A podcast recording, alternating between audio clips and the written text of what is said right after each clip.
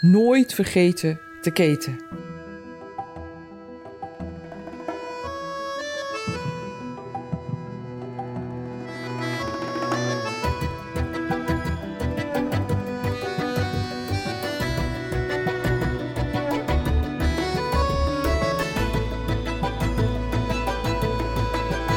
Ondertussen, in verwondering.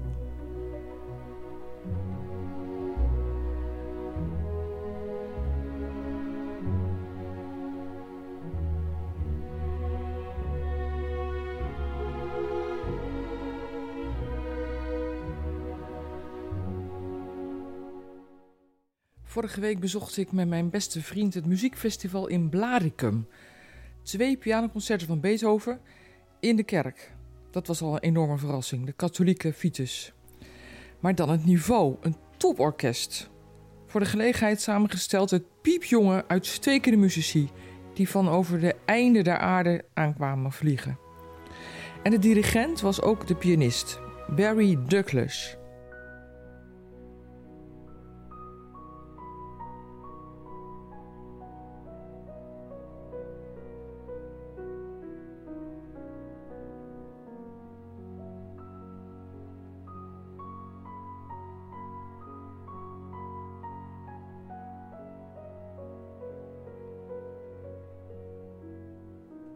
Nou, mijn vriend en ik genoten enorm van het ongelofelijke plezier en ook het gemak waarmee dit solist wisselde tussen zwaaien en spelen.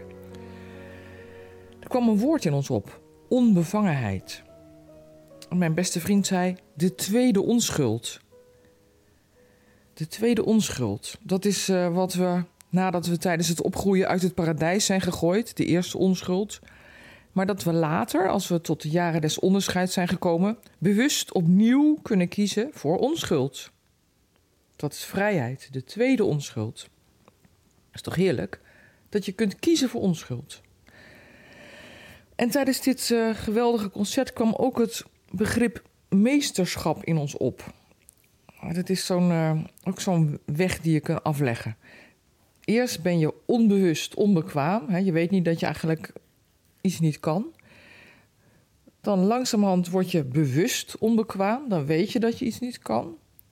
Dan ga je dus ergens in bekwamen. Dan word je bewust bekwaam. Maar dan is het niveau van meesterschap uiteindelijk dat je onbewust bekwaam wordt. Dat je niet meer weet hoe je het allemaal doet, maar het lukt wel. Het gaat door je heen. De talent, de geest. Nou, dat is wat wij meemaakten daar in die kerk in Blaricum met Beethoven en Douglas en al die geweldige jonge muzici.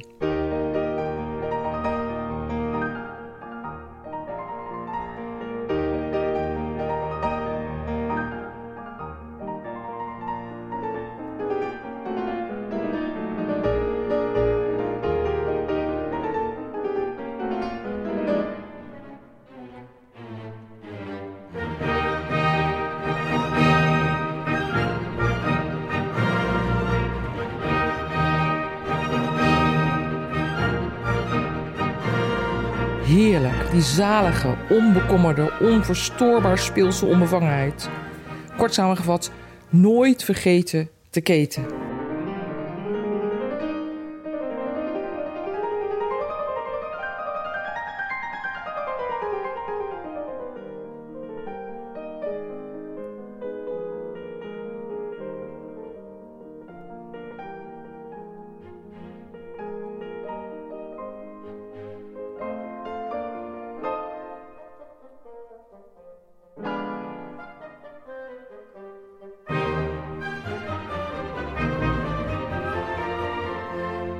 Dit concert deed me denken aan die brief aan mijn jongere ik, die ik even geleden schreef. Want uh, toen ik die brief schreef aan dat kleine meisje, toen voelde ik binnen de kortste keren een gezellig vrachtje achterop mijn levensfiets springen. Ik keek om en de kleine Miek had haar regenlaarsjes al in mijn fietstas gestoken. Het was een uh, kijkend wezentje. Was ik dat? Van verbijstering begon ik te slingeren en zij schaterde het uit. Nooit vergeten te keten, riep ze. Dat was waar ook, dat had ik haar ooit beloofd. Maar vaak verliezen we het kleintje onderweg uit het oog, ons kleintje. Ja, zo'n kind zit daar kennelijk zelf helemaal niet mee. Dat is toch wonderlijk? Er lijkt wel een ongekwetste kern in ons te wonen. Een onverstoorbaar wezentje dat geduldig op ons wacht. Tot we weer tijd, ruimte en bewustzijn hebben om te komen spelen.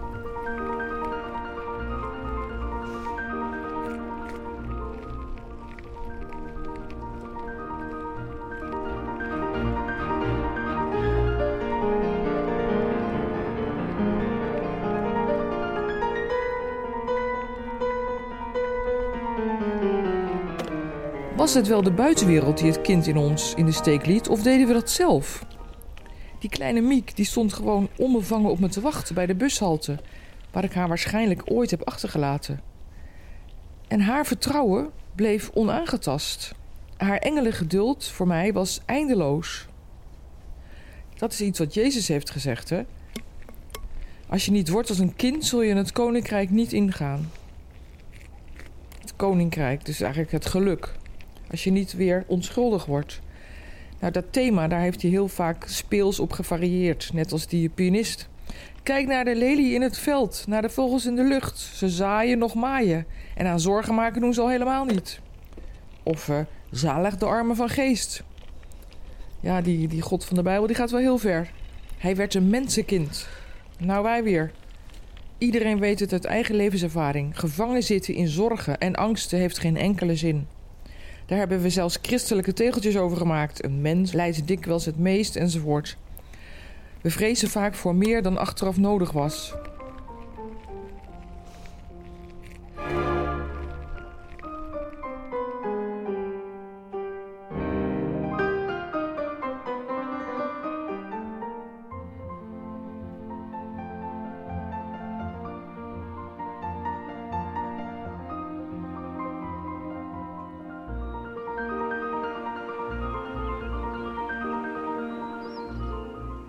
Alles goed en wel, denk je misschien.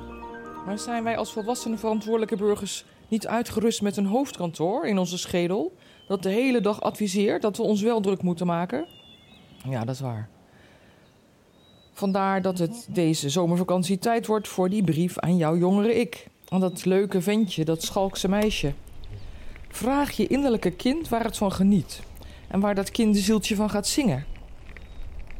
Nou, misschien is die uh, kostelijke onbevangenheid van ons wel wat al te ver weggezakt. En dan is dit een behulpzame oefening.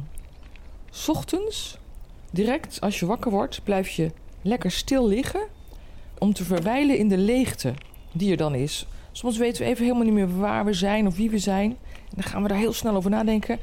Maar doe dat dus niet. Dat is het moment waarop we even niemand zijn. We denken nog niet, we oordelen nog niet. We hebben ons nog niet aan onze gevoelens gehecht. We zijn ons nog niet bewust van gisteren, van vandaag, van morgen.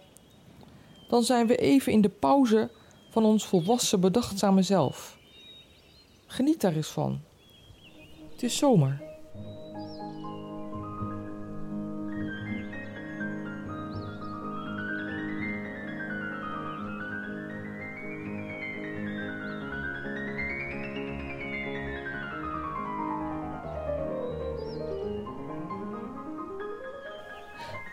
Oh, daar is ze weer. Miekje wiebelt achterop. Relax, nothing is under control, roept ze in steenkolen Engels. Ze heeft een ansichtkaart uit mijn fietstas gevist. Met mijn levensmotto erop. Relax, nothing is under control. Ik proest om dit vrijmoedige wezentje. Wat vreemd dat ik haar zo lang over het hoofd gezien heb. Terwijl ik nergens zo gelukkig van word als van die onbevangenheid van haar.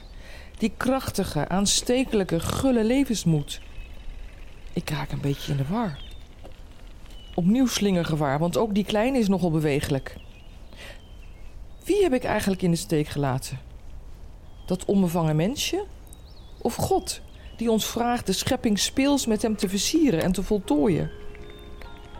Allebei tegelijk misschien. Want uh, uit de mond van zuigeling en kind hebt u zich een loflied laten zingen. Ik stap af en ik kniel bij die onbevangene. Ik vraag waar we nu heen moeten.